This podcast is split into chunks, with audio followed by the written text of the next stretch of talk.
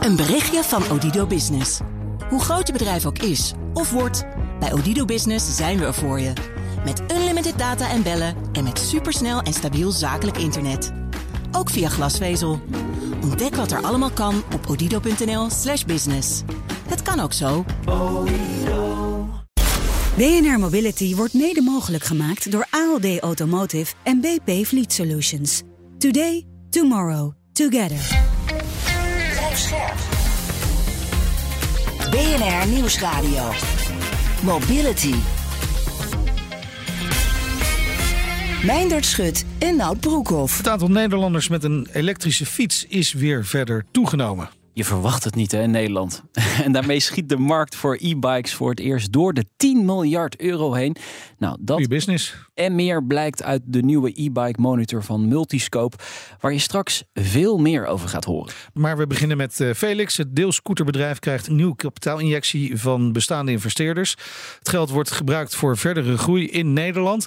Quinten Selhorst is CEO van Felix. Welkom. Dankjewel. Gefeliciteerd. Dankjewel. Dankjewel. Eh, de vraag is alleen, waarmee kunnen we je feliciteren? Want eh, hoe groot is die nieuwe investering? Eh, ja, we besluiten deze ronde om niet kenbaar te maken hoe hoog de totale investering is. En dat doen wij omdat we denken dat het op dit moment wat minder relevant is hoe hoog die investering is. En dat het belangrijker is dat we het hebben over de executie van het plan. Ja, ja. En eh, daar wij eh, wij vinden het wel belangrijk. Ja, wij vinden het wel Dat begrijp ik. interessant. Ja, dat begrijp ik. Ja, ja, ja, ja. Ja. ja, het staat niet in het persbericht, dus dat is dan Klopt. de eerste vraag die je gelijk hebt. Wat is het dan? Maar het gaat Ja. om een substantieel bedrag. Ja, het gaat om een substantieel bedrag. En eh, voor ons is het heel belangrijk dat we dat bedrag hebben eh, binnen kunnen halen. Want daarmee kunnen we echt het plan wat we hebben gemaakt samen met de aandeelhouders uitvoeren. En dat betekent dat we volledig focus hebben op winstgevendheid. En eh, daar zit de focus op de aankomende Ja. Was het moeilijk om dat kapitaal binnen te krijgen? Want het, ja, die markt is wat anders. hè. Investeerders die zitten meer op de portemonnee. Geld is wat duurder geworden. Klopt, klopt. Ja, dus ik denk dat het eh, op dit moment een hele moeilijke periode is om als eh, jong bedrijf, groeibedrijf, Ja. om financiering op te halen. Ehm, juist daarom hebben we ook snel het gesprek gevoerd met de aandeelhouders en gezegd van oké, we willen graag een plan maken met jullie waar we de buy-in van iedereen in hebben. En eh, met dat plan hebben we eigenlijk gekeken, hey, wat kunnen we dan uitvoeren? Hoe snel kunnen we naar winstgevendheid toe? En op basis van dat plan en die validatie hebben zij gezegd, wij, eh, wij willen hierop eh, meedoen. Dat spreekt wel vertrouwen uit van, van de bestaande eh, investeerders ook. Dus dat, Absoluut. dat is ook wel fijn om Ja, absoluut. die backing te hebben. Ja, ik denk, ik denk dat het voor ons een eh, hele belangrijke validatie was dat de eh, bestaande aandeelhouders, en het zijn ook de verschillende aandeelhouders binnen Felix, die hebben geparticipeerd in deze ronde. Ehm, wat ik zei, het is heel moeilijk om nu externe financiering op te halen, omdat iedereen eigenlijk kijkt van oké, vooral eh, focus op de bestaande portfoliobedrijven die we hebben en minder in nieuwe bedrijven eh, investeren. En eh, ja, dat, dat al deze partijen mee hebben geïnvesteerd, dat, dat, dat, dat schept gewoon heel veel vertrouwen. Ja, en dat was dus wel een voorwaarde om te aan te geven wanneer jullie winstgevend worden. Ja, absoluut. Ja, ja, want ook voor niet alleen voor ons als bedrijf, maar ook voor de aandeelhouders is het natuurlijk heel erg belangrijk dat je nu financiering ophaalt, een plan kunt uitvoeren en dat je dan ook weet er hoeft niet opnieuw geld in. Ja, Ja, en wanneer is dat dan? ja dat, dat stond ook niet in het persbericht. Klopt, klopt. Dus wij Ja. eh, eh, einde van dit jaar dan draaien wij cijfer- eh, zwarte cijfers. Kijk. Is dat sneller dan verwacht? Of? Ja. ja? Ja, dus het plan wat we nu hebben gemaakt, daarmee hebben we eigenlijk de winstgevendheid op groepsniveau. Dat is wel een belangrijk onderdeel ervan. Dus totale winstgevendheid hebben we eigenlijk naar voren gehaald. En eh, ja, zeker in een eh, vrij onzekere economie nu is dat heel belangrijk. En daarom is het ook zo belangrijk dat we deze financiering hebben rondgekregen. Ja, we hebben het investeringsbedrag niet gehoord, maar we weten nu wel wanneer jullie eh, zwarte Ja. eh, denken te Ja, schrijven. maar betekent het ook dat jullie je plan hebben aangepast? Waren jullie eigenlijk van plan om op andere manier verder te groeien eerst eh, en nog gewoon verlieslatend te zijn? Eh, ja, dus we hebben eh, vorig jaar zijn we Duitsland ingegaan. Ja. En dat hebben we gedaan omdat we veel groeiambitie hadden. We zaten toen in een situatie waarin het ook in de markt makkelijker was om additioneel kapitaal op te halen, juist om groei te financieren. Mhm. Ja. Ehm, op het moment dat de eh, omgeving eh, verandert, dus je ziet dat het moeilijker is kapitaal op te halen, dan moet je eigenlijk opnieuw onder de loep nemen: oké, hoeveel aanloopverliezen kunnen wij en willen wij nemen eh, als bestuur, maar ook als aandeelhoudersgroep. En toen hebben we eigenlijk eh, afgelopen jaar gezegd: van oké, gezien de marktomstandigheden, is het belangrijk dat je heel snel je bedrijf turnt in, in terms van eh, niet meer zo focus op groei, maar op winstgevendheid, je eigen broek ophouden. En eh, op basis daarvan hebben we dus een nieuw plan gemaakt waarin we die winstgevendheid veel, veel meer naar voren hebben gehaald. Ja, onder andere de, de Duitse activiteiten hebben jullie afgestoten. Klopt. Ja. ja. Dus dat is bewust gedaan en Ja. nu gaat de focus op Nederland. Ja, Nederland-België zorgen dat we op groepsniveau eh, winstgevend worden. Dat betekent dus ook dat we nu, als we het businessplan uitvoeren, dat er nooit meer kapitaal extra in hoeft. Dus dat is een hele fijne positie om in te zitten. Dan kunnen er wel opportuniteiten in de markt zich voordoen. Dan ga je die separaat bekijken.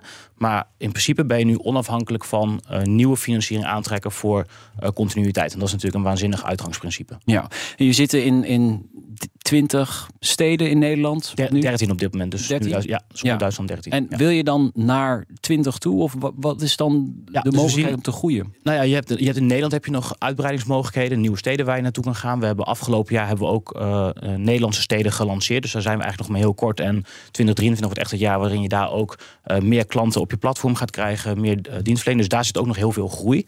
Uh, maar de focus van waar we voorheen meer zaten ook op buitenlandse groei, omdat het ook noodzakelijk was voor het internationale speelveld, zeggen we nu nee, focus zit op de Benelux-regio en dat winstgevend maken. Is dan deels een kwestie van die uh, scootertjes die je in Duitsland niet meer nodig hebt, gewoon hup, hier naartoe halen en dan ergens in een stad neerzetten waar je nog niet was? Uh, gedeeltelijk, ja. Dus we hebben een gedeelte van de vloten die we in Duitsland hadden, hebben we ook mee verkocht aan de partij die het heeft overgenomen. Okay. En een ander deel van de vloot die halen we nu naar Nederland toe om die in te zetten in Nederlandse steden. Ja, hoe makkelijk is dat om in Nederlandse steden een voet aan de grond te krijgen. Want je hebt hier natuurlijk ook te maken gewoon met vergunningen. Ja. Gemeentes weten allemaal dat scooters ook voor overlast kunnen zorgen. Ja. Als ze niet goed geparkeerd staan, bijvoorbeeld. Ja, precies. Ja. Dus het begint natuurlijk allemaal met het verkrijgen van een vergunning. Ja. Uh, dat is natuurlijk de, ja, de basis om ergens je dienst te kunnen aanbieden. Um, gelukkig hebben we daar een heel goed track record in. Dus in principe in de Nederlandse steden waar we naartoe willen, hebben we ook de vergunningen gekregen tot, tot op heden.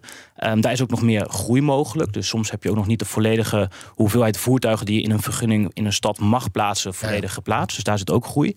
Uh, maar dat is natuurlijk wel zorgen dat je dat goed voor elkaar hebt. En de scooters die we vanuit Duitsland naar Nederlandse steden kunnen zetten, die kunnen we ook kwijt in Nederland. Ja, en dat intekenen op vergunningen, daar zijn jullie nu flink mee bezig. Is, is er genoeg qua vergunningen dat nu op dit moment loopt in Nederland? Uh, ja, want er zijn verschillende vergunningen die op dit moment lopen. Er zijn er ook een aantal die in 2023 opengezet worden. Dus daar kun je dan op intekenen.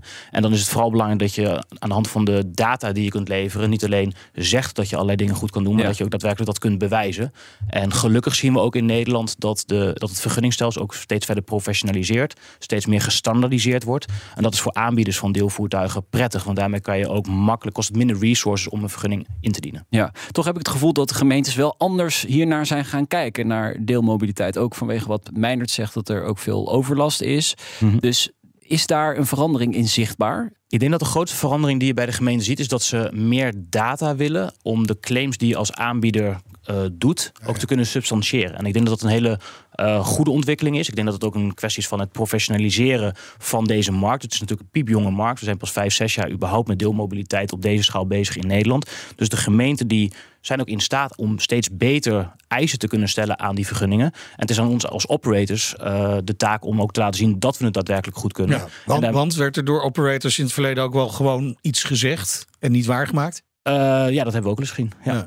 Zou je kunnen zeggen dat we nu in een beslissende fase zitten uh, voor wat betreft die operators, hè, waar Felix er dus één van is? Ja. Uh, het, het, is even economisch wat moeilijker, dus je moet nu laten zien dat je kunt overleven. Ja. Maar je moet ook inderdaad die gemeentes weten te overtuigen dat het een toegevoegde waarde heeft. Ja, ja dus ik denk dat uh, het antwoord op die vraag is ja. Het is wel tweeledig. Aan Ja. de ene kant zie je dat op het moment dat je dus meer datapunten ook hebt als provider, kun je ook beter het kaf van het koren scheiden en laten zien. Wij doen dingen wel goed of sommige dingen misschien nog niet goed genoeg en kunnen we in verbeteren. Waar we voor of achterlopen op anderen. Dus op het moment dat je overtuigd bent van jezelf dat je dingen goed doet, dan helpt je dat denk ik heel erg.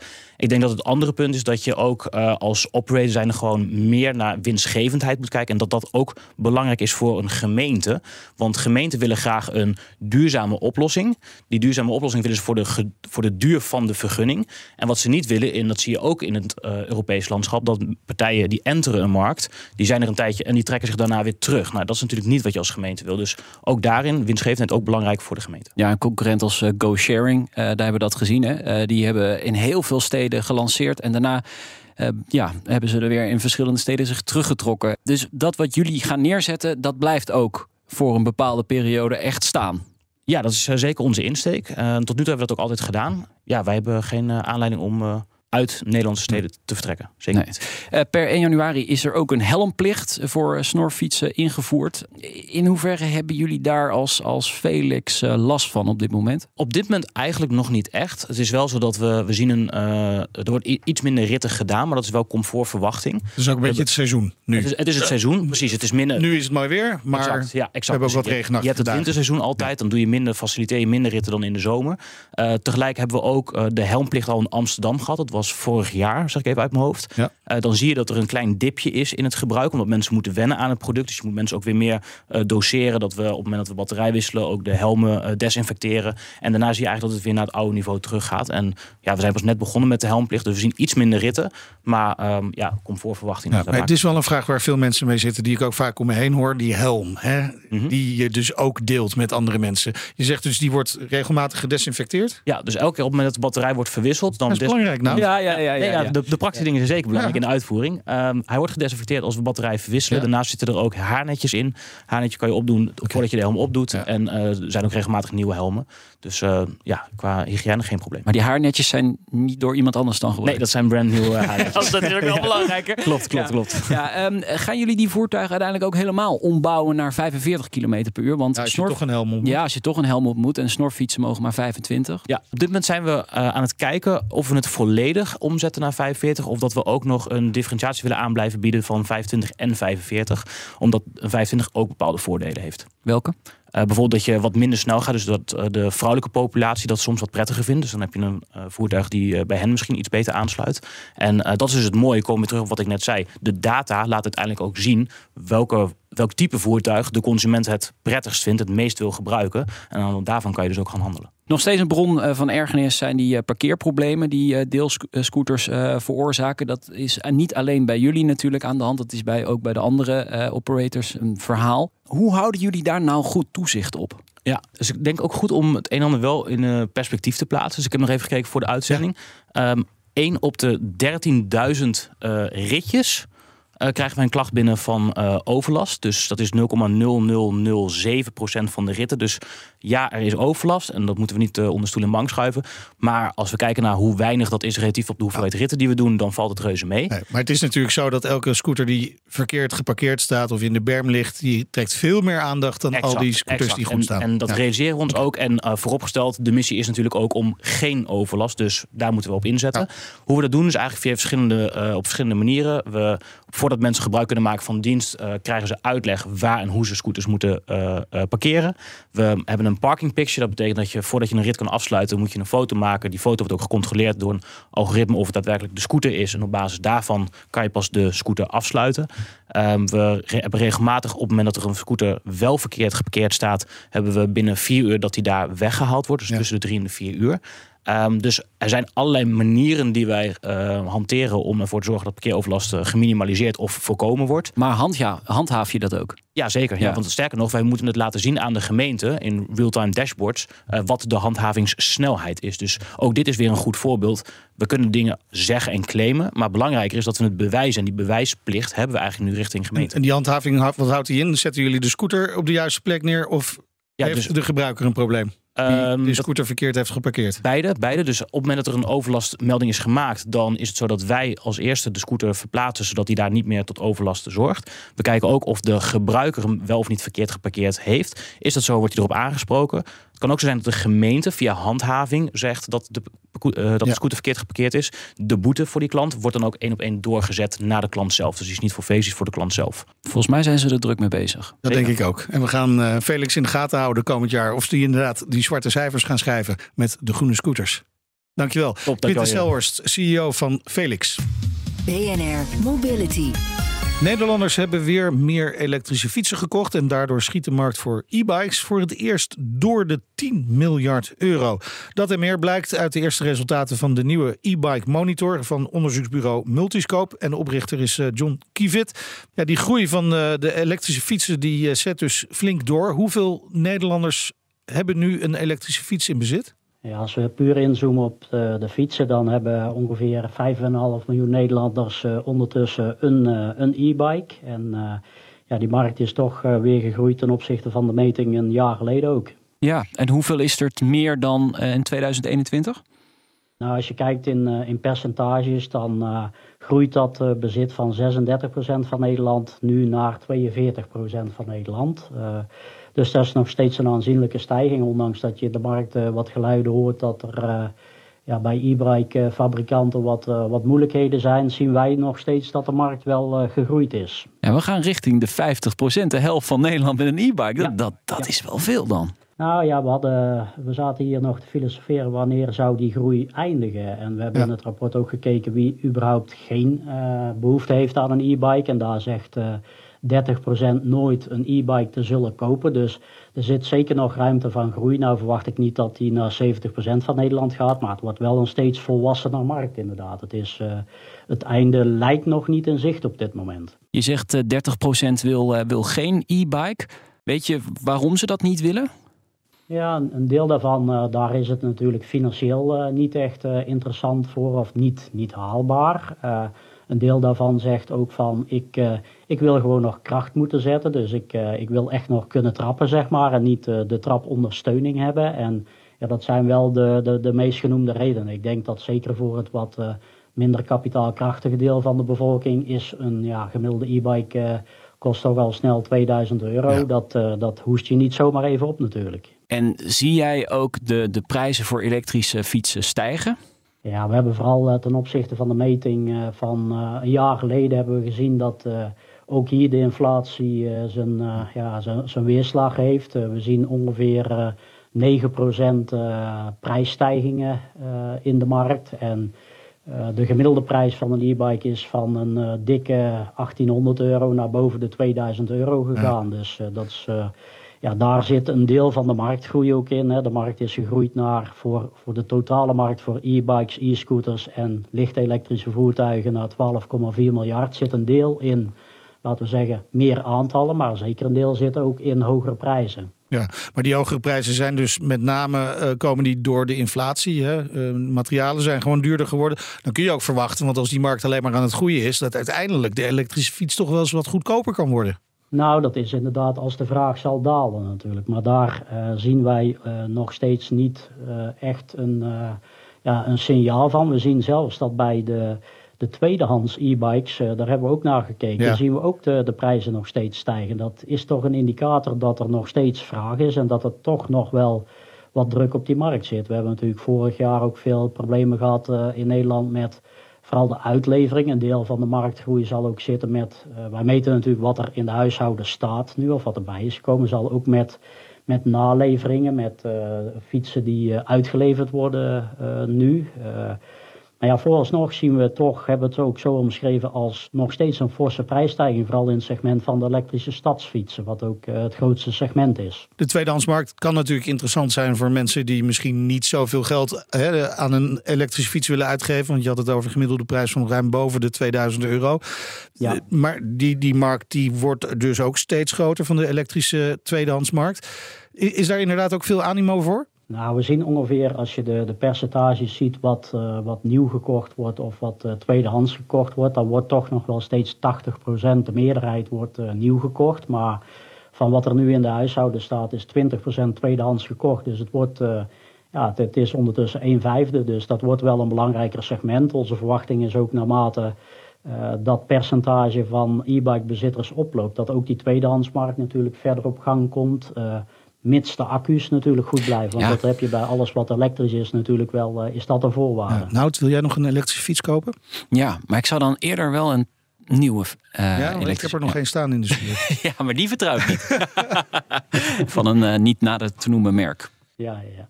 Maar ik ga hem bijvoorbeeld niet kopen omdat ik gewoon de, de inspanning wil hebben. Ik behoor tot die 30% die... Uh, nou ja, dat, dat, dat is inderdaad die ervaring die ik zelf heb. Dat elke keer, uh, ik heb hem namelijk een aantal keer laten repareren, mijn uh, elektrische fiets. En dan stap ik dus op mijn mountainbike en dan vind ik dat eigenlijk wel heel erg fijn. En dan neem ik me voor, joh, ik ga voortaan alleen maar op die mountainbike. En dan laat ik toch die elektrische fiets weer repareren. En dan is het toch wel weer prettig. Ja, de trapondersteuning bedoel je, op ja. de mountainbike. ja, nou, de, de, de trapondersteuning, het is eigenlijk allebei wel prettig. Je moet gewoon ja. afwisselen, denk ik. Ja, ik vind het vervelend dat ik om aan alle kanten ingehaald word door uh, mensen die ouder zijn dan ik. Maar tegelijkertijd wil ik nog wel wat activiteit hebben. Inderdaad. Ja, zo blijf je in ieder geval wel fit. Ja. ja. Even nog naar die markt uh, kijken, want die elektrische fietsen, uh, dat, dat is echt booming business. Uh, maar de afzet van elektrische scooters en andere lichte elektrische voertuigen, dat zijn die LEF's, blijft wel ja. een beetje achter hè, qua markt. Ja, als je die gewoon kijkt naar de, laten we zeggen, de, de bedragen die ermee gemoeid zijn. Uh, van die 12,4 miljard zien we 11,8 miljard uh, staat er in de huishoudens aan elektrische fietsen. Elektrische scooters is nog maar 420 miljoen nu. Dat is, ja, staat in geen verhouding. Hè. We denken nog in miljoenen in plaats van miljarden. En De lichte elektrische voertuigen, voornamelijk de e-steps om het zo maar even te zeggen, is 220 miljoen. Dus dat, ja, dan hebben we het over een procent, 2 procent van, van Nederland. En ja, daar zien we ook nog geen explosieve stijgingen. Nog niet een grote inhaalslag. Uh, blijven vooralsnog kleine categorie als je het afzet tegen de elektrische fietsen. En vooral binnen de elektrische fiets is het ook weer de elektrische stadsfiets. En niet andere vormen zoals de, de mountainbike bijvoorbeeld, die je ook gewoon elektrisch kunt krijgen. Ja, of de speedpedelec. Maar nog even over die, die elektrische stepjes. Want die mogen eigenlijk helemaal niet op de straat. En er is toch al een markt van 220 miljoen voor. Best aardig dan. Nou ja, kijk, als je nu een gemiddelde mediamarkt uh, binnenloopt, dan staan ze in ieder geval uh, uh, bij mijn lokale mediamarkt ook pontificaal voor in de winkel, zeg maar. je ziet ook dat er nauwelijks op gehandhaafd wordt. dus ja, we zijn toch Nederland, hè? we kijken oogluikend ja. toe en we handhaven niet echt. het is nog, ja, de, Kijk, totdat het echt uh, formeel toegestaan wordt, blijft deze markt wel op slot zitten. Uh, maar tegelijkertijd, ja, we, we, we, omzeilen de regels een beetje. En als er niet gehandhaafd wordt, dan zijn er toch, uh, ja, de, de, de rijden nu licht elektrische voertuigen ongeveer 280.000 rond. Dus dat, zijn er, dat is een aanzienlijk aantal. Ja, en hoeveel daarvan zijn stepjes? Dat zijn er nu ongeveer kleine 200.000. Dat is toch veel in een land waar het eigenlijk niet is toegestaan. Wat dat betreft zijn we ook een uitzondering in Europa. In de meeste Europese landen zie je dat uh, dat, dat wel gewoon mag, zeg maar. Maar wij uh, lopen daar wat achter. En uh, ja, of het dat nu goed of slecht is, dat laat ik even in het midden. Maar dat, dat houdt de, dit deel van de markt echt nog wel tegen. Ja, jullie hebben ook gekeken naar hoe we die ehm, voertuigen kopen. Wat, wat blijkt daaruit? Dat blijkt, uh, we hebben daar vooral gekeken, schaf je hem online aan of uh, schaf je hem uh, offline aan. je ziet daar bij de elektrische stadsfiets dat de overgrote meerderheid het gewoon in de winkel offline koopt, 86%. 14% gaat naar het, het online kanaal. bij de stepjes zie je eigenlijk een soort omgekeerd effect. Die kopen toch echt wel meer online, 75% dan offline. En bij de elektrische scooter is dat enigszins in evenwicht. Uh, 44% online versus 55% offline. Dus ja, je ziet daar toch wel een heel ander, uh, ander beeld. Uh, je ziet ten opzichte van de vorige meting lichte groei van het online kanaal. Maar dan hebben we het over 1 of 2 of 3 procent als je dat allemaal bij elkaar zou tellen. Maar dat geeft wel aan dat er ja, ook in deze productcategorie dat er toch wat ruimte of wat groei kan zijn richting online ook. Dit zijn de eerste resultaten, hè, John, van een uh, veel groter onderzoek. Er komt dus meer aan?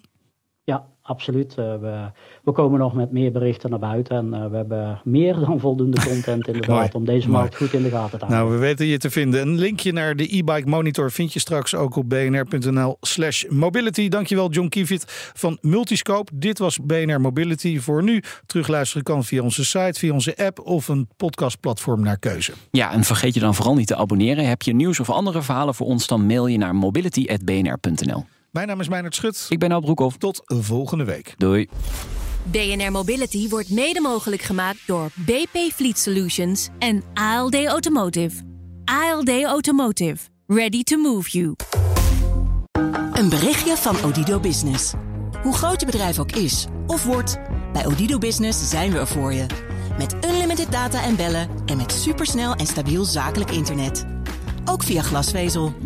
Ontdek wat er allemaal kan op odido.nl/slash business. Het kan ook zo.